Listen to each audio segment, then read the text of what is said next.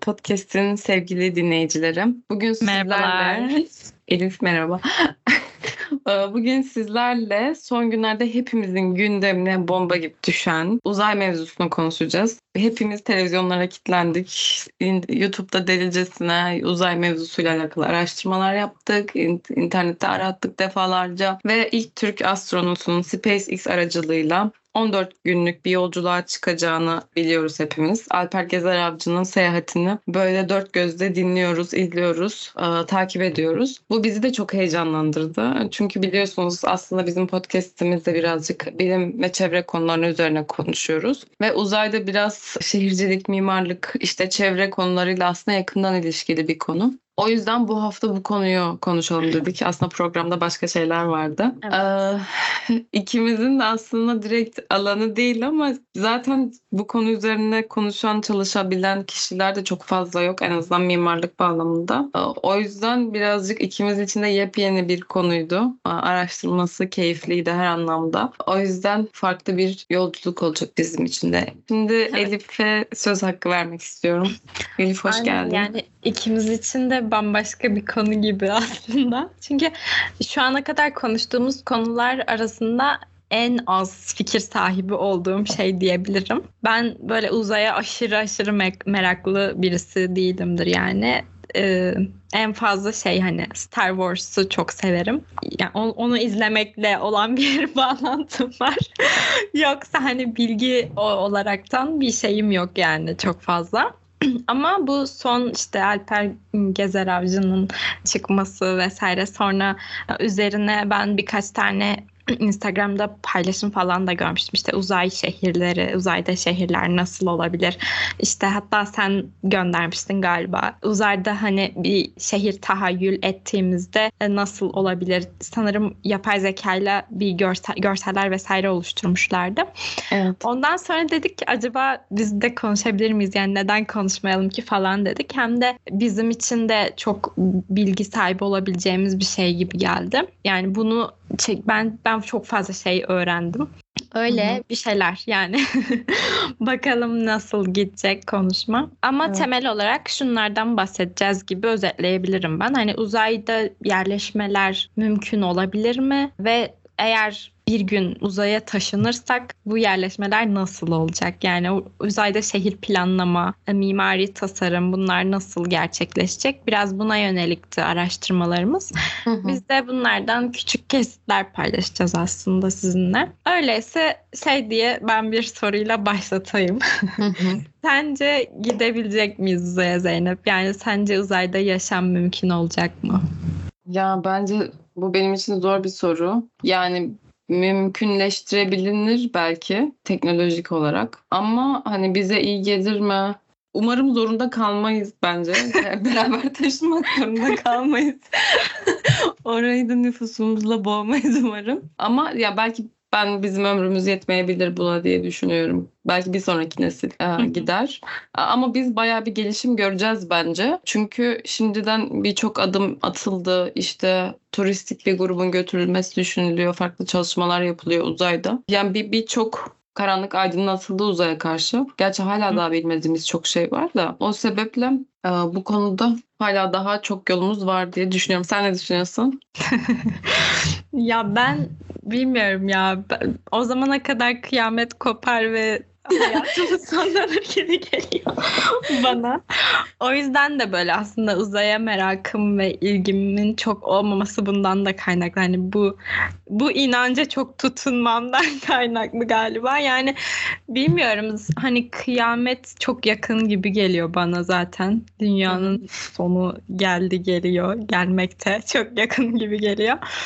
Ve hani bilmiyorum başka bir gezegene git gitmemiz pek mümkün gibi gelmiyor ama hani bu son yaptığım araştırmalardan sonra da aslında mümkün yapılabilir. Yani teknik şeyleri bence insanlık sağlayabilir yani ilerleyen yıllarda. Yani teknik olarak bence mümkün olacak ilerleyen yıllarda. Tabii bizim ömrümüz yetmez senin de dediğin gibi.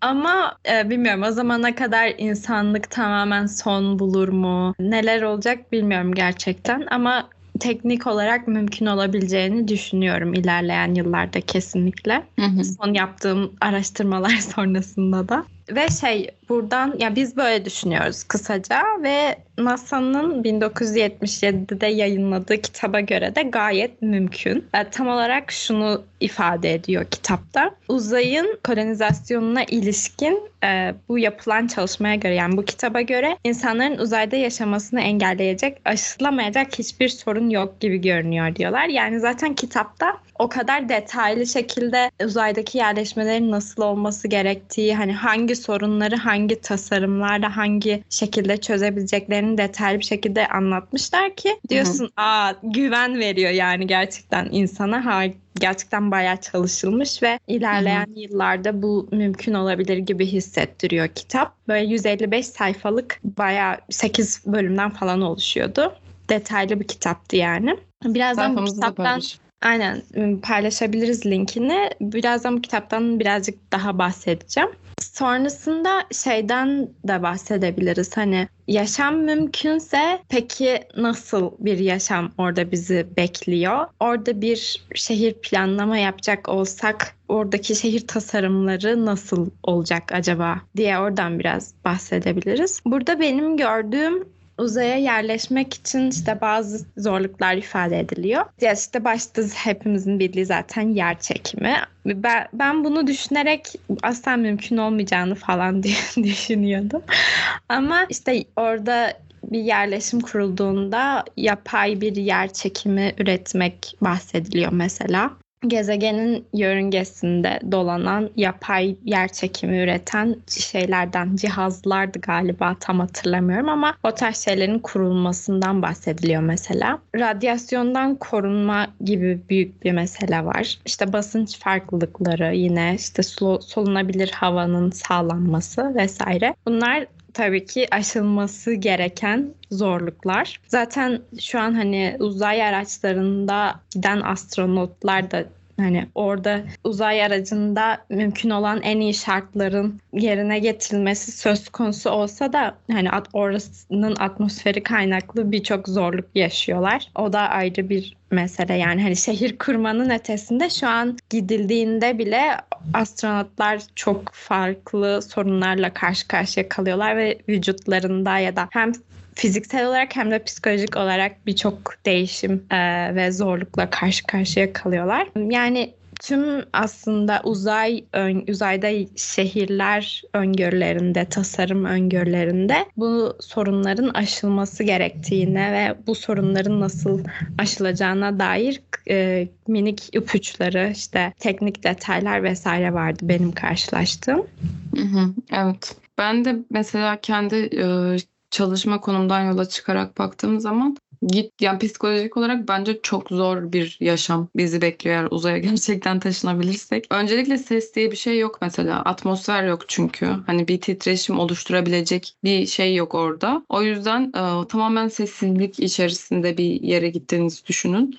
Ya da hani bu atmosfer olayını çözersek evet ses olacak Hani e, ama istediğimiz gibi mi olacak? O yer çekiminin de yani bulunulan yere göre değişimleri var. İşte mesela SpaceX daha şu an Lon, e, dünyaya yakın olduğu için dünyanın yer çekim e, ekseninden faydalandığı bir noktadaymış. Ve hani her gezegende de e, yer çekimi oranı birbirine göre değişiyor baktığımız zaman. Nereye iniş yapacağımız önemli burada aslında. Hangi gezegene ineceğiz ve hangisinin şartlarında hayatımızı devam ettireceğiz. Hani bazılarında çok yoğun karbondioksit var. Mesela atıyorum bir tanesinde çok fazla hidrojen var. Ona göre bir yeniden bir hava atmosferi oluşturmamız gerekecek gittiğimiz yerde. Artı insanların da hani bizim burada o güneşle olan o günlük döngümüz gittiğimiz yerde tamamen değişecek büyük ihtimalle. O yüzden bu kadar insan bir de ne amaçla gideceğiz? Yani gidip orada ne yapacağız? Buradaki gibi aylak aylak istediğiniz dolaşabilecek miyiz? Hani e, nasıl bir şeyle uğraşacağız ya da böyle hani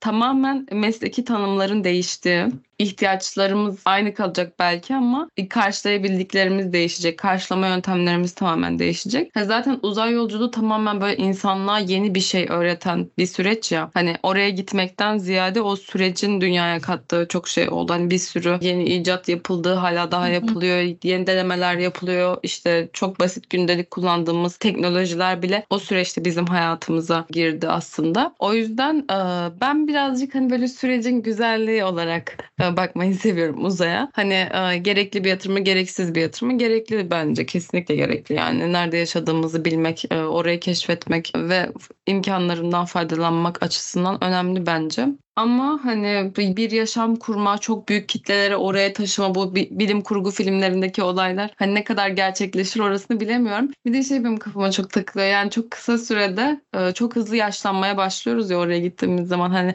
14 günde bir yıl kadar neredeyse yaşlanacak gibi bir teori vardı. Bu e, zaman açılımlarıyla beraber bize farklı sürprizler de getiriyor. Yani insan bedeni aslında tamamen dünya için yaratılmış bir beden olduğunu buradan çıkarıyoruz. Yani hani dünyayla daha uyumlu bir doğaya sahip olduğumuz için araya gittiğimizde nefes alışımızdan işte e, cildimizdeki reaksiyonlara, psikolojik verdiğimiz reaksiyonlara, bağırsaklarımıza bir bütün her şeye kadar bir değişim olacak hepimizde. Aslında buradaki insanla oradaki insan belki değişecek insan kavramları. O yüzden de biraz e, farklı bir macera olacak bence herkes için. Belki bu hani deniz altına yollanan zenginler kamerası vardı ya gittiler ve öldüler hani basınç işte mahvetti o aracı. Bilmiyorum bir e, şey bekliyorum yani böyle bir otobüs hani e, gidecek ve seyahat edecek. Yani seyahat olarak belki okey ama yaşam olarak bilmiyorum. Biraz korkutucu bir tarafı var yani burayı özleyebilirim.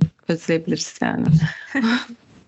Ondan emin olamıyorum. Ya seyahat konusu bence de kesinlikle çok kısa bir süre. Hatta şu anda da oluyor galiba değil mi? Turistik geziler uzaya. Ee, ama hani belirli böyle kesimlerin gidip işte şeydeki gibi e, Westworld'daki gibi gidip orada işte parasını veren orada bir deneyim yaşayacak falan filan. O olaylar çok mümkün ve çok e, yakın zamanlarda gerçekleşecek gibi geliyor bana. Ama toplu olarak hani dünyadaki yaşamın son bulup da başka bir gezegende tüm insanların oraya gitmesi fikri çok korkunç geliyor bana. Çünkü şey hani zaten dünyayı mahvettik. bir de gidip oraya gideceğiz falan gibi düşünüyorum yani birazcık şey. Üzücü tarafından düşünüyorum. Ama Bakalım tabii nasıl olacak bilemiyoruz. Çocuklarımız görürler belki. evet belki. Bir de şey de geliyor hani dünyaya karşı da aslında hala daha çok az şey biliyoruz. Kendi dünyamıza dair de bir cehalet söz konusu yani nasıl diyeyim bir tartışma konusu olabilir. Hani dünyaya dair bu kadar az şey biliyoruz. Mesela okyanuslar hakkında böyle bir teori vardı ya yani okyanuslar hakkında bildiklerimiz uzay hakkında bildiklerimizden daha az. İşte uzayın en derin noktasına giden kişi sayısı üçken bu uz- okyanuslarda üçken uzayda 10 hani bu sayı. Hmm. Aslında o okyanusların o e, haritalanması içerisinde neler olup bittiğinin bilinmesi daha daha az şey bildiğimizin bir göstergesi bu aslında. Evet. Ve dünyanın yaklaşık %70'i e, okyanuslarla çevrili. O yüzden e, yani %95'i hala keşfedilmemiş diye bir yerde okumuştum bunu araştırırken. Evet. Aa. Ya ama şey birazcık da uzay hani siyasi olarak da bir güç göstergesi ya işte hani evet. ülkeler tarafından o yüzden de aslında dünyayı bir tarafa bırakıp uzayla ilgilenmeleri birazcık normal olabilir. Bir de e, bu benim okuduğum kitapta şey çok, çok e, vurgulanıyordu. İşte hani dünya gittikçe karanlığa doğru evriliyor. İşte kıt kaynaklar var ve bu kıt kaynaklar bitecek. Yani hani şey gibi değil. İşte biz bu kıt kaynakları kullanmak zorundayız ve ona göre yaşayalım gibi değil de gerçi o yönde de hani bir 70'li yıllarda o yönde de vurgular var ama bu kitap özelinde hani bu kaynaklar bitecek bir şekilde o yüzden bizim gidip yeni bir yeri keşfedip o birazcık da orayı mahvetmemiz gerek gibi bir şey e, düşünmüştüm kitabı okurken. O yüzden yani hani aslında haklı olabilirsin. İşte dünyaya dair çok da fazla bir şey bilmiyoruz. Bir sürü canlı yaşıyor bin bir türde. Ee, okyanuslar aynı şekilde. Ama yani uzaya yönelik ilgi olmasının sebebi de anlaşılabilir. Bir de benim şey aklıma geliyor. Ee, her uzay fotoğrafı gösterildiğinde hani bu kısımda çöpler aslında uzaydaki çöpler deniliyor. Hani bu çöpler nereden çıkıyor? Yine insanlar gidip oraya çöplerini bırakıp gelmişler. Ya da işte hani denemeler yapıyoruz ve hani o süreçte belli parçalar uzayda kalıyor ve temizleyemiyoruz. Hani e, taşınsak kim bilir orası ne hale gelir diye böyle bir e, karamsar bir bakış açım var bu konuyla alakalı. E, bilmiyorum. Yaşayıp göreceğiz artık bundan sonraki süreçte. Aynen. Şimdi Elif uzaydaki şehir planlama ve buradaki atmosfere yönelik biraz konuşalım istiyorum. Ee, öncelikle baktığımız zaman aslında sadece az önce mesela yer çekimini konuştuk ama bunun dışında da çok fazla böyle farklı radyasyondur, farklı dalgalar, işte sese yönelik mesela çok düşük frekanslı sesler var aslında. Hani böyle olur ya denizin dibine daldıkça böyle tuhaf tuhaf sesler duyuyoruz. Böyle içimizden sanki ses geçip gitmiş gibi gelir. Ya da böyle trenle yolculuk yaparken, uçakla giderken böyle çok tuhaf böyle sesler duyarız ama ne olduğunu böyle bir anlam veremeyiz. Bu tarz aslında daha çok sesleri duyduğumuz bir atmosfer düşünebiliriz. Ya da basınç farklılıklarının çok yoğun olduğu e, bir atmosfer. İşte uçak tutan arkadaşlara çok uzaya gitmeye öneremeyebiliriz belki bu süreçte. ama hani aslında gideceksek de tam, tamamen kendi ekipman danışmanımızla gideceğiz. Aa, ve burayı tasarlama süreci için mesela düşündüğümüz zaman öncelikle fizyolojik koşulları karşılayacağız. Yani hı hı. hem insan olarak bireysel bağlamda hani bedenimizi ona göre şekillendireceğiz, yiyeceğiz, içeceğiz artık. Öncesinde bir kampa mı gireceğiz topluca dünyada? işte bir motivasyon kampları mı olacak böyle inzivaya falan çekiliyor yani. Ee, son zamanlarda sessizlik inzivası, uzay inzivası gibi belki böyle bir sürece girip o şekilde e, gidebiliriz. Ve oraya gittiğimiz zaman da aslında burada tasarımcılara artık nasıl bir şey tasarlanacak bilemiyorum ama çok iş düşecek. Hı hı. Ee, Bununla ilgili çeşitli e, ütopik denemeler var. Ben bir tanesini Danimarka'da gezmiştim. Oradaki Danimarka Mimarlar Odası gibi bir yer var Kopenhag'ında. E, sadece Danish Architecture Center diye çok güzel bir yer. Orada böyle bir sergi vardı ben gittiğimde. Serginin içerisinde işte e, çeşitli kapsül denemeleri yapılmıştı. İşte fark elipsimsi e, bir yumurta kabuğu gibi bir kabın içerisinde gidip e, işte böyle ahşaptan falan malzemeler kullanılmış. Her yerine tutunularak, uçularak böyle gezinilen ufak bir kapsüldü. Sanırım o böyle daha az kişinin yaşadığı bir konut gibi tasarlanmış bir çalışmaydı. Fakat bilmiyorum artık komün olarak mı yaşamaya devam edeceğiz? Ekip biçeceğiz mi Mars'ta filmindeki gibi? Ya da Interstellar'daki gibi böyle hani dünyayla karışık e, uzay atmosferi gibi böyle bir şey mi oluşturacağız? Senin bu konudaki düşüncelerin, araştırmaların nasıl Elif? Biraz senin düşüncelerini merak ediyorum. Hı hı. Ya sen bahsedince aklıma şey geldi. Hani gerçekten diyorsun ya oraya gitmemiz için oraya fizyolojik olarak hazırlamamız lazım falan. Şu anki yaşadığımız dünyada böyle bir şeye zorunda olmamamız aslında çok büyük bir avantaj gibi geldi. Evet değil mi? Oturalım oturduğumuz yerde falan. Yani harika ya. hani İyiymiş şey, ya falan. Sadece hani ateşi falan bulmak zorundasın ama onun haricinde zaten nefes alabiliyorsun mesela gayet rahat bir şekilde ya da havada yüzmüyorsun. Ayağını yere basabiliyorsun falan. Aslında gerçekten hani çok büyük şeyler, e, avantajlar bence insanlık için. E, şimdi şey e, benim araştırmalarım üç tane tasarım gördüm ben temel olarak.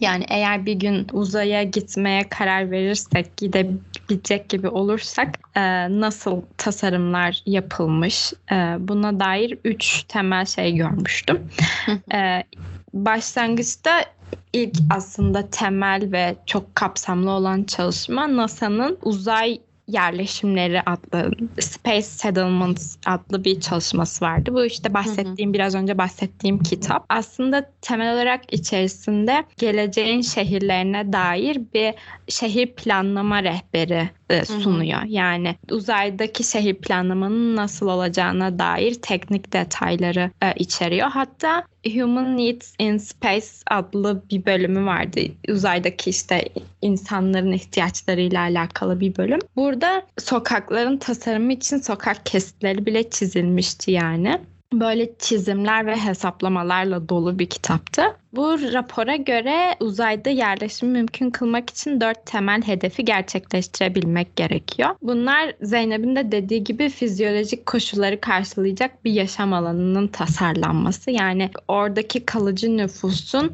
gereksinimleri ve sadece fiziksel olarak da değil sosyal olarak yaşanabilir bir topluluk e, üretmek için sağ, yani sağlanması gereken gereklilikler, gereksinimlerden bahsediyordu temel olarak ilk başta. İkinci olarak yeterli miktarda ham madde temin etmek gerekiyor. Yani burada işte şey benim aklıma hep katı yemekler, şu an işte astronotların sadece katı yemeklerle beslenebildiği falan söyleniyor ya. Hı hı. Bu bence çok büyük bir şey. Kötü bir şey yani. Hani düşünsene evet. sadece katı şeyler yiyebiliyorsun falan. Hani bu uzun vadede insan vücudunu nasıl etkiler ya da sıvı şeyler de e, nasıl yenebilir hale gelir uzayda gerçekten ilginç bir konu bence. İşte ham madde temini ve bunları işleme yeteneğinden bahsediyor ikinci hedef olarak. Hı hı. Üçüncü olarak insanları oraya taşımak için yeterli bir ulaşım sistemi sağlanması gerekiyor tabii ki. Yani dünyadan oraya nasıl gideceğiz ve bu sürekli mi olacak? Yani sürekli gel git mi yapacağız yoksa bir kere gideceğiz ve bir daha hiç dönmeyeceğiz mi? Ee, aynı şekilde hani ham maddeler nasıl taşınacak ya da nasıl ham madde üreteceğiz ve işte ticari ürünler nasıl olacak, nasıl taşınacak. Son olarak da tabii ki insanlığın var olması için ekonomik faaliyetlerin de gerçekleşmesi gerekiyor. Evet. Sermayeyi çekmeye yetecek ticari faaliyet gerçekleştirilebilecek mi? Yani gel bunu geliştirebilecek miyiz? Hı hı. Ve dünya ile ticaret için mal ve hizmetler üretmek. Bu da hı hı. bir hemen temel hedef olarak görülüyor. Yani böyle dört temel hedefin öncelikle gerçekleşmesi gerektiğini vurguluyordu kitap. Bir de bu ulaşım konusunda da şey diyordu mesela işte toplumdaki yüksek nüfus yoğunluğundan dolayı aynı kolonideki farklı yerleşim alanlarını birbirine bağlayan e, büyük bir toplu taşıma sistemi ol, olması Metro gerekiyor. Aynen. Şimdiki şey, şey plancılarının hayali var ya işte büyük metro ağları kentte. Hı-hı. Her yeri saran metro ağları. Ya ki şeyde de hani uzayda da devam ediyor aslında bu istek. Hı-hı. Yani büyük bir toplu taşıma sistemi her yeri birbirine bağlayan ve işte dolaşımın yaya bir şekilde gitmesi. Ya mesela hiç araçlara dair bir şey görmedim. Hani buradaki özel araçlara gibi bir şey hı hı. görmedim kitapta ama belki kaçırmış da olabilirim bilmiyorum. Ama temel olarak e, büyük bir metro ağı hani şey toplu taşıma ağı ve dolaşımın çoğunun yaya olacak şekilde kurgulandığını gördüm. Bu kitap 1977'de yayınlanıyordu. 1970'lerde yine e, bir fizikçi adını telaffuz edemediğim bir fizikçi ayın yörüngesindeki bilinen serbest kalma noktası L5 olarak bilinen yerde konuşlanmış 100 bin kişilik koloniler öngörüyor ve buna dair çalışmalar ortaya koyuyor. E, buna dair şun e, bir gazetede şundan bahsediyor. Yani dünyanın insan için tek pratik yaşam alanı olduğuna inanmak geleneksel bir düşünce diyor. Ya aslında bu düşünceyi biraz küçümsüyor. Ancak e, dünyanın çoğundan daha çok daha rahat, üretken ve çekici yeni yaşam alanları inşa edebiliyoruz, edebiliriz diyor uzayda. Yani bu, biz buradan bakınca bu biraz garip gözüküyor. Hani çok daha rahat nasıl olacak? Çok daha üretken, çok daha çekici nasıl olacak? Bilmiyorum gerçekten ama böyle bir iddiası var kendisinin. Bunun yanında hem dünyanın hem de gezegensel bir bedenin e, ötesinde alternatif insan yaşam alanları inşa etmekle ilgileniyor bu fizikçi. Bunun sonucunda da 10 milyona kadar insanı barındırabilecek dev bir dönen uzay gemisi fikrini ortaya atıyor. Ama bununla ilgili çok fazla detaya erişemedim ben. Yani uzay gemisi, dev bir uzay gemisi nasıl olur onu da pek bir hayal edemiyorum. Senin kafanda nasıl bir şey canlanıyor mesela Zeynep?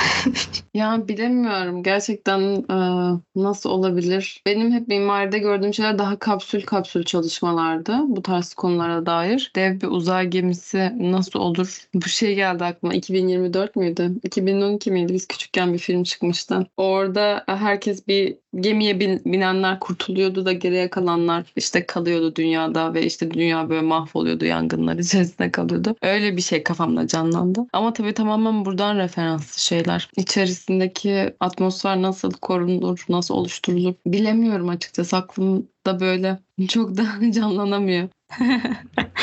Benim de ya. Bir şey kitapta da çok fazla görsel yoktu ama böyle e, hep silindir vari şeyler vardı. Böyle Evet. tasarımlar vardı. Hı hı. E, bakalım. çok ilginç bir konu ya gerçekten. Evet yani şimdi şey e, sa- sana anlattıktan sonra bu Danimarka'daki e, serginin üzerine biraz baktım da nasıl çözümler üretmişler hani uzayla alakalı. Çok ilginç bir ofis bence Saga diye Saga Space Architect diye geçiyor. Ekstrem koşullardaki mekanlar üzerine çalışıyorlar aslında. E, mesela eksi 40 derecede yaşam hani böyle eksi 50 derecede. Hani çünkü bir de dünyada da böyle biz niye dünyayı terk ediyoruz? Dünya yaşanılamaz bir yer olduğu için. O zaman hani buradaki şartlara uyum sağlasak aslında hani nasıl yaşarız? E, dünya çok soğuk bir yer haline gelse hani her yer buzullaşsa e, hani yörüngeden kayma hikayesi var ya eksi 40'ta yaşayabilsek aslında burada yaşama devam ettirebiliriz. Ya da tam tersi her yer su haline gelse biz burada nasıl yaşayabiliriz? Gibi böyle ekstrem şartlar altında çalışmalar yapmışlar. Sayfada da bunları e, Instagram'da yayınlarız diye düşünüyorum. Şey böyle e, mesela 3D printerlarla dediğin gibi o e, amorf yüzeyleri oluşturdukları, farklı malzemelerden faydalandıkları böyle fütüristik tasarımlar var içerisinde aslında. Ve işte her her tarafında böyle merdivenler hani sürekli tırmanma olayı. Çünkü o yer çekim olayını bir şekilde çözebilmek adına işte tut- tutulacak şeyler, elemanlar, işte kendi e, ufak bahçesi ürettiği yapay ışıklandırması. İşte bu sığınak yapmakla benzer bir şey aslında bu. Nasıl işte yer altında bir yaşam düşünüyorsak zor bir zaman durumunda işte ekstrem bir durum içerisinde aslında benzer ihtiyaçların burada da olduğunu görüyoruz. O yüzden farklı bir düşünme pratiği kesinlikle ve konforsuz bir pratik kesinlikle onu da söyleyebilirim. Yani eğer hani böyle bir konfor arayan bir tarafımız var ya bizim sürekli e, burada onu e, daha net bir şekilde e, görebiliyoruz aslında. Ne yazık ki. Ve dediğin gibi işte kendi içinde enerji istasyonlarının olduğu işte e, takılıp çıkarılabilir kompakt tasarımların olduğu, farklı durumlara uyum sağlayabilen çalışmalar yapmaya çalışmışlar. Ve birçok e, partnerle de ortaklıkları var aslında işte mimarlar, yine NASA, farklı enerji şirketleri. Yani bu çok kolaboratif bir iş aslında yani böyle çok işbirlikçi bir şey yapman gerekiyor. Çünkü sadece sana ait bir şey değil. Burada sana da göstereyim interaktif e, bir planlama yapmışlar aslında birkaç katlı. Görsellerini Instagram'da paylaşabiliriz bunların. Biraz Evet. uzay konuşunca insan hep görsel arıyor aslında. Değil mi? Fütüristik şeyler falan gözünde canlanıyor. Görseller çok daha anlamlı hale getiriyor. Ee, Kesinlikle. Şimdi ikinci bir tasarım önerisi olan Ay Köyü'nden devam edebiliriz. Bu isim çok tatlı geldi bana. Öncelikle Ay Köyü. Bu çalışma da Avrupa Uzay Ajansı ile MIT e, arasındaki bir ortaklıkla yapılıyor. E, Burada aslında bir konsept tasarım öneriliyor e, ve adı da işte Moon Village. Bunun tasarımına dair şöyle detaylar vardı. Ay köyü Güney Kutbu yakınındaki bir kraterin ken- kenarında hayal ediliyor. Hı hı. E, Ve bu alan tüm ay yılı boyunca neredeyse sürekli gün ışığı aldığı için seçiliyor aslında. Ve buradaki genel kalkınma planları, altyapı, kaynak ve yaşanabilir yapıların kurulması için 3 ayrı aşama şeklinde öngörülüyor. Ay köyü enerjisini doğrudan güneş ışığından sağlıyor ve ayın doğal kaynaklarından yararlanarak e, yerinde kaynak kullanımı yoluyla yiyecek üretimi ve yaşamı sürdüren unsurlar oluşturmayı planlıyor. Yani bir yerden bir yere ham maddenin taşınması değil de tam da orada yerinde bir kaynak üretimi ve kullanımı söz konusu. Bunu da nasıl yapacak aslında? E, Güney kutbu yakınlarındaki çöküntülerden çıkarılan su, kasabada gelişen endüstriyi desteklemek için solunabilir hava ve roket iticileri oluşturulacak. E, Güney kutbuna yakın olması sayesinde kasaba kraterdeki su buzu birikintilerine doğrudan erişime sahip olacak. E, bu ay köyünde yaşayanlara da Lunarit adı vermişler. Lunaritlerin yaşayacağı habitatlardan bahsediyor birazcık da. Sen bir şey diyeceksin galiba Zeynep sana. Ee, şimdi biz astronotu ismini değiştirmek istiyoruz ya Türkçe'de Gökmen, Göktürk, Göktürk falan bayağı bir isim e, konuşulmuştu. Bu Lunarit'i de biz artık Lunatürk uzay insanı falan ya da işte Göktürk gök, falan gibi. Gök insan. evet. Gök yerli falan gibi bir şeyler olabilir belki. Aynen.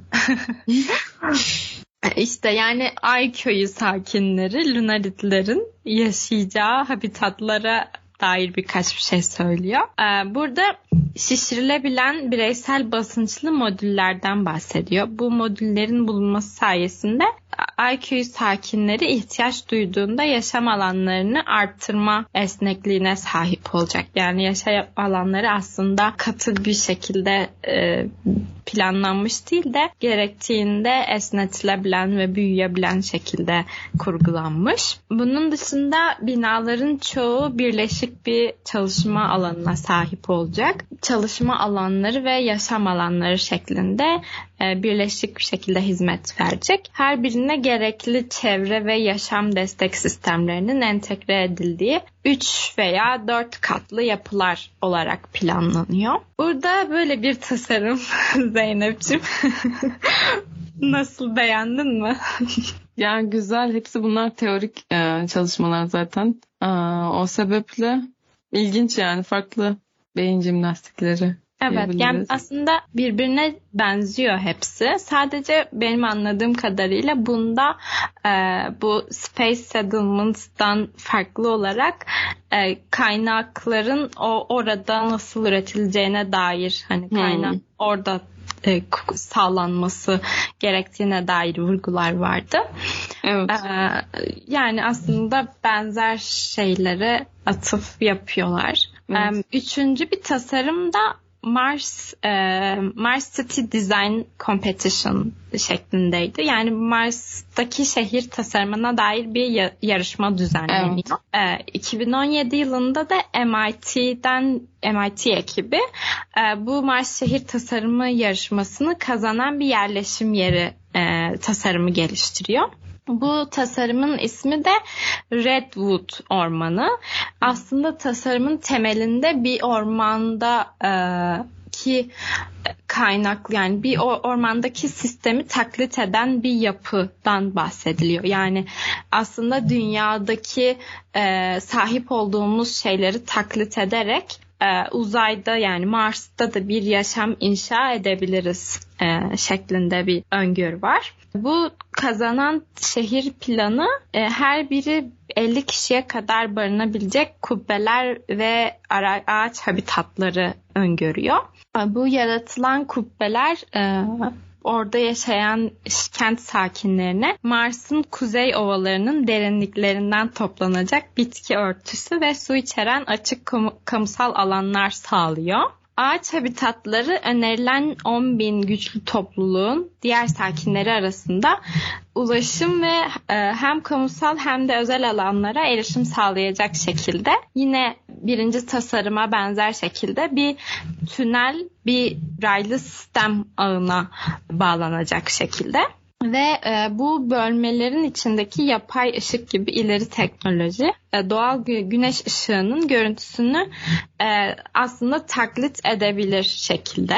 Ve burada Mars'taki bu şehir yani Mars'taki şehrimiz e, yaşamı desteklemek için buz ve su, işte regolit ve güneş gibi yerel Mars kaynaklarını kullanarak fiziksel ve işlevsel olarak bir ormanı taklit edecek şeklinde e, bahsediliyor. Bu yüzden aslında tasarımın ismi de Redwood Ormanı. Burada e, genel olarak dünyadaki sistemi, dünyadaki ormanlar nasıl kendi içerisinde e, üretimi sağlıyorsa e, oradaki döngüyü taklit edecek şekilde bir sistem öngörülmüştü. Bu da böyle bir tasarım. Evet şey e, bu konuda gerçekten e, özellikle Mars özelinde geliştirilmiş e, şeyler de var. Aynen, ben de... Hatta şeydi sanki biz lisanstayken Mars Türkiye'de de bir yarışma yapılmıştı. Hatırlıyor musun Zeynep? Okula böyle posterini asmışlardı. Mars şehir yarışması falan diye. o zaman çok ilgimi çekmişti ama katılma fırsatı kazanmamıştım. Yani şey yapmamıştım, başvuramamıştım. Çok yoğundum o sıralar.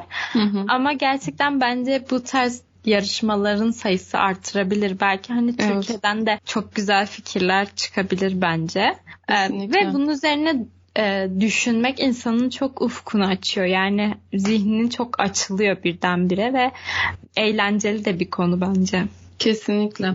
Bir de çok özgür hani e, bir Aynen. konu. Yok yer olayı da var birazcık. Hani böyle bir yerle bir bağlantısı e, dünyadaki gibi bir kontekst yok aslında uzay Hı-hı. üzerinden düşündüğümüz zaman. E, bir de ben şeyi çok fazla gördüm böyle sanki koza örür gibi ya da işte arıların e, kovan mantığı içerisinde planlanmış işte o altıgen beşgen figürlerin yoğun bir şekilde kullanıldığı kafesli bir mimarinin e, kullanıldığı ya da kendi içerisinden geçen açılan bir mimari söz konusu. Bir de minimum alanda maksimum verim elde etmeye çalışıyoruz ya birazcık. E, çünkü evet. alanı genişletmek eşittir beraberinde oraya işte atmosferi götürmek, e, işte enerji sağlamak gibi evet, bir sürü ekstra maliyet. Evet, beraberinde getiriyor. O yüzden farklı bir beyin jimnastiği kesinlikle benzer şeyleri aslında başka yerlerde de görüyoruz. Yani biraz ülke bazlı yapılmış şeyler. Hani bahsettiklerim biraz daha Amerika tabanlı sanırım. Ee, mesela benim baktıklarım biraz daha Avrupa tabanlıydı. Bir de şey de var. İnsanlar oradaki sirkadyen ritmini devam ettirmek adına aydınlatma üzerinden böyle pratikler falan önerilmiş. Ona göre aydınlatma şeyleri önerilmiş bazı çalışmalarda. O da çok ilginç. Ee, kesinlikle. Ee, bu Evet bir de bu işin şey boyutu var yani hani ben daha böyle yerleşme boyutunda baktım hep mesleğin getirisi olarak. Evet. Ama hani mimari tasarım ölçeğinde ya da endüstriyel tasarım tasarım ölçeğinde falan çok e, ilginç şeyler olabilir yani. Kesinlikle. Ya aslında şey hani bu böyle bir toplu bir yaşamdan kopuk bir şekilde düşünülmesini de doğru bulmuyorum ben. Çünkü neticede gidilecekse bir arada gitmek hepimiz için daha güvenli hissettiren bir durum. Bir yandan da çözüm üretmek açısından farklı bakış açılarını bir arada götürmek açısından e, dediğim gibi bir köy mantığıyla ancak bu olabilir. Ama hani böyle mimari çalışmalara bakıldığında daha kapsül, daha yapı ölçeğinde birer ikişer gibi çalışmalar rastladım ben kendi adıma. O yüzden şey ilginç yani bu hani çocukluktan itibaren aslında verilmesi gereken e, bir bakış açısı bir yandan da belki de. Ben de buna dair bir makaleye rastlamıştım. Orada dünya üzerindeki uzay eğitimi, uzay mimarisi eğitimi üzerinden bir çalışma yapılmıştı. Akta Astronautica diye bir e, dergi varmış. Bizim Akta Akustik var mesela. Oradan e, astronotların da aslında e, Göktürklerin de diyelim aslında yayın yaptıkları bir dergileri oluyormuş bu dergi. Orada hani e, hangi yönleriyle bu konuyu ele almalıyız e, diye anlatıyor. Ve bu hani aslında çok yönlü bir eğitim süreci tasarımcılar için de bunun içine şehir plancılar da giriyor bence kesinlikle. Mühendisi mimarı tasarımcısı. Ve e, bu hani bütüncül bir eğitim olmalı e, olarak destekliyor bu düşüncesini ama mesela işte hani burayla ilgili nasıl endişelerimiz olabilir diye e, bakıldığı zaman e, ekstrem hava koşullarından bahsediyor. İşte psikolojik ve sosyal faktörlerin insanları e, etkilediğinden ve e, aynı zamanda e, bu ekstrem durumun onları negatif şekilde yönlendireceğinden bahsediyor. E, ve e, gerekli ve arzulanan dengesinin iyi kurulması gerektiğinden bahsediyor. Mesela bizim dünyada hani çok fazla böyle arzuladığımız şey var ya işte denize gideyim şöyle bir koyda denize gireyim işte gölde yüzmek havuzum olsun falan. Hani bunların aslında hepsi birer e, arzu tabanında ya da seyahat belki hani uzayda bu kadar kolay olmayacak diyorsun ya hani bir e, demir yolu fikri, bir ulaşım fikri. Hani belki biz sürekli uçacağız. Hani o ayaklarımız hani o yere basmayacağı için aslında bizim şartlarımızı tamamen e, değiştirecek bu durum. Hani burada uçmak bir lüksken orada hani bir gereklilik ve üf artık yine mi uçuyoruz e, gibi bir e, düşünceye gel- getirecek belki de bizi. Evet. Ve buradan bakıldığı zaman aslında hani güvenliğin işte özel alanın e, grup buluşmalarının konforun tüketimin tanımları tamamen değişecek aslında. Hani biz buraya yerleştirimizde insan olarak da aynı şekilde ve mesela dönüşüm uzay mekiklerine baktığım zaman bu SpaceX ile alakalı hani videolar vardı ya orada mesela şey anlatıyor. Kullanılan bütün su işte atık çıkardığımız bütün atıklar bir şekilde dönüşerek tekrar önüne geliyor. Sana ait hazırlanmış yemekler var işte parça parça senin ismin senin adın sana göre hani onun ne kadar tüketeceğin belli nasıl sindireceğin ve nasıl boşaltım yapacağın belli falan. Hani böyle tamamen her şeyin değiştiği bir atmosfer arası aslında. Şey vardı ben, bir video izlemiştim. Orada hani Alper Gezer Avcı yanında ne götürecek tartışması yapmışlar. şey çünkü şey demiş galiba işte e, Türk Türk e, kültürünü temsil eden bir şey götüreceğim. Bir yiyecek bir vesaire evet. götüreceğim falan demiş. İşte kimisi diyor ki işte şey götürür, kolonya götürür. Yiyecek değil de hani Türk kültürünü temsil eden herhangi bir şey. Ama kolonya olmaz falan. İşte lokum götürür diyenler falan vardı. Böyle bir canlı yayın aç, açmıştı Barış Özcan. Aslında bak şey de aklıma geldi. Baklava da götürebilirdi mesela kuru olarak. Antepli olarak. Şerbetlerin havada uçuştu böyle. Kuru baklava. Aynen. Soğuk baklava falan hani uzayda. Aynen. Daha rahat tüketilebilir bir baklava türü olarak ya da uzay baklavası diye yeni bir çeşit çıkarırsınız Antepliler olarak. Zaten çok e, inovatifler Antepliler. çok böyle baklavayı bin bir çe- çeşide sokuyorlar. Kebabı bin bir çeşit sokuyorlar. Evet. Şimdi uzay yeni bir şey sekme açtı belki de. Aynen. Onların Neyse ay çok dağıttım konuyu. Aklıma geldi bir an. Ve yani bunların hepsi evet farklı açılardan uzay sürecini değerlendirebileceğimiz konular aslında. Ben şey merak ediyorum aslında.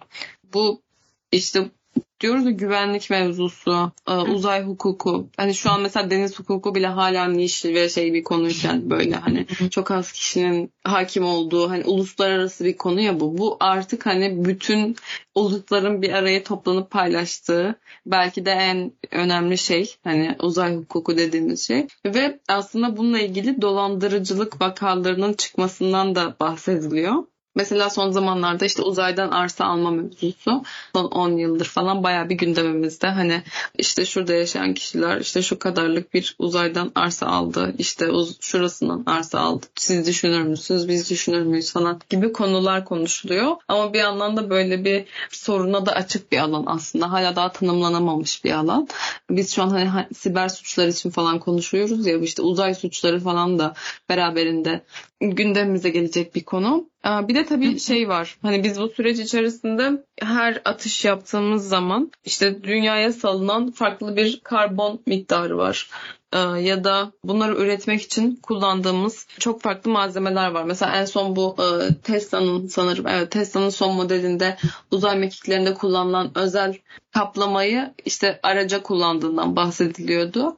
Ee, araba araba için kullanıldığını, kamyon için kullanıldığından bahsediyordu. Yani aslında uzaya yolladığımız her ürün e, çok özel ham maddelerden oluşturularak yapılmış dayanıklı olması için oradaki koşulları sağlayabilmesi için e, ve beraberinde dünyaya bıraktığı karbon ayak izi var diyebiliriz aslında. Senin bu konuda söylemek istediğin bir şey var mı Elif? Hani bu aslında çok şeye de kaçabilecek bir konu. Hani bir yandan kitlelerin ilgisini çok çeken bir e, mevzu ve işte dediğim gibi siyasi olarak da kullanılan bir mevzu. E, burada bence lükse kaçabilecek çok şey var ve bunun dengesini yani kontrol etmek gerekiyor. Yani oraya sonuçta bir bütçe ayrılıyor ve bu hepimizin vergilerinden falan hani şey yapılan hani toplam devletin bir bütçesi. O anlamda hani onu en iyi şekilde kullanmak gerekiyor gerçekten. Bir taraftan da hani e, bu bütçenin e, yanı sıra her gönderdiğimiz oraya fırlattığımız her roketin dünyaya getirmiş olduğu olumsuz taraflar da var yani. Hani bir yandan orada yeni bir yaşam mümkün var mı bunu tartışıyoruz. Evet ama bir yandan da uzay çalışmaları e, dünyaya e, müthiş emisyon yayan bir şey yani. Her roket fırlatıldığında dünyaya karbondioksit yayılıyor. E, bununla ilgili bir şey görmüştüm ben hani her roket fırlatıldığında 300 ton e, emisyon yayılıyor dünyaya diye. Bu doğru değilmiş. Yani roketin boyutuna göre işte özelliklerine göre değişebiliyormuş ama ortalama her yıl 900 ton hani tüm bu uzay çalışmalarından fırlatılan roketlerden kaynaklı 900 ton emisyonun yayıldığı belirtiliyor raporlarda. Yani bu anlamda tabii ki yapmayalım gibi bir şey diyemeyiz zaten. Çünkü birçok katkısı var senin de dediğin gibi. Yani buradaki teknolojik gelişmelere şu an işte tıp alanında kullandığımız birçok teknoloji uzay çalışmalarına borçluyuz aslında. Ama bir taraftan da hani bunu iyi yönetmek çok önemli hale geliyor bunu düşündüğümüz zaman. Çevreye yönelik e, zararını düşündüğümüz zaman. Böyle bir tarafı var yani evet. Evet. Evet gerçekten aa, güzel bir konuydu. Aa, teşekkür ederim böyle bir şey sunduğun için bize de. Güzel bir beyin jimnastiği oldu bizim için. Yani evet her konunun işte kendi içerisinde farklı dinamikleri var. Farklı yönleri var. O sebeple bir işte dengesinin oluşturularak düşünülmesi gerçekten önemli. Aynen. Son olarak ben sana şey sormak istiyorum. Şu an imkanın olsaydı ya da bir böyle birazcık ileriye ışınlansaydık ve iki tercih etme şansın olsaydı dünyada kalmak ya da uzaya gitmek diye sen tercih eder miydin gitmeyi? Yani seyahat olarak tercih ederdim tabii ki. Ee, öyle bir yeterliliğim varsa ekonomik olarak da. Ama yerleşme konusunu ben tercih etmezdim açıkçası. Ben burayı seviyorum. Hayır seyahat tercih. olarak değil. Ya dünyada kalacaksın bundan sonra ya da uzayda kalacaksın. Ben dünyada kalırdım. Yok ben ülkemden bile ayrılırken zorlanan bir insanım. Dünyadan çok zor. Sen ha. ne düşünüyorsun? Bilmiyorum ben giderdim galiba ya. ya çünkü ne bileyim hani öyle bir imkan var. Hani şey belki ekonomik olarak düşünmedim ben. Hani diyelim ki devlet devletimiz senin şey plancı olarak orada sulak alanları çalışmak istiyor. devletimiz diyelim ki hani halkı oraya taşıyor diye varsayarsak hmm. ben hani para harcayacağım bir durumda bilmiyorum ne karar verirdim ama bu hani ücretsiz bir şey olsaydı sanırım giderdim. Hani çünkü zaten bir gün öleceğiz yani ve şey hmm. hani gideyim bari gideyim orayı da göreyim öleyim hmm. diye düşüncem olabilirdi yani ama Olabilir. bilemiyorum tabi. Şu an e, afaki konuşmak çok kolay. Öyle bir durumun içinde olsam ne yapardım bilmiyorum. Çünkü hani ailen falan hepsi birlikte gelebilecek mi senle gelir mi? Tek başına tek başına mı gideceksin falan. Ama gitmeye daha yakınım galiba ya. ya merak çok, çok merak ederdim çünkü. çok ilginç gerçekten. Ama şey açısından güzel yani böyle hani nasıl gidip orada farklı deneyimler yaşıyorsun. Bir şeyler icat ediyorsun belki yani bir şeyler e, buluyorsun. Ama şey Evet. bana çok zor geliyor. Hani böyle atmosfer yok. Hani tamam yağmur falan hani böyle farklı versiyonları falan oluyormuş da hani o kafandaki astronot şeyini ya da o giyim kuşamını falan hani bana çok darlayıcı geliyor açıkçası. Hani ayaklarım yere basmıyor. Evet.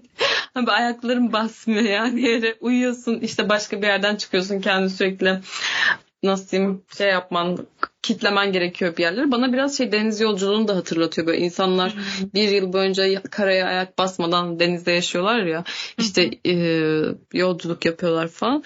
Biraz onunla bence yakın ilişkili e, deneyimler ve o da çok zor bence. Ama belli olmaz. Demek istiyorsun Ay'a gitmeye Elif. Evet ya merak ediyorum. O zaman e, bugünlük bu kadar diyelim mi Elif? Olur. Aynen. Diyelim bakalım. E, Bir sonraki yayında görüşmek üzere diyelim.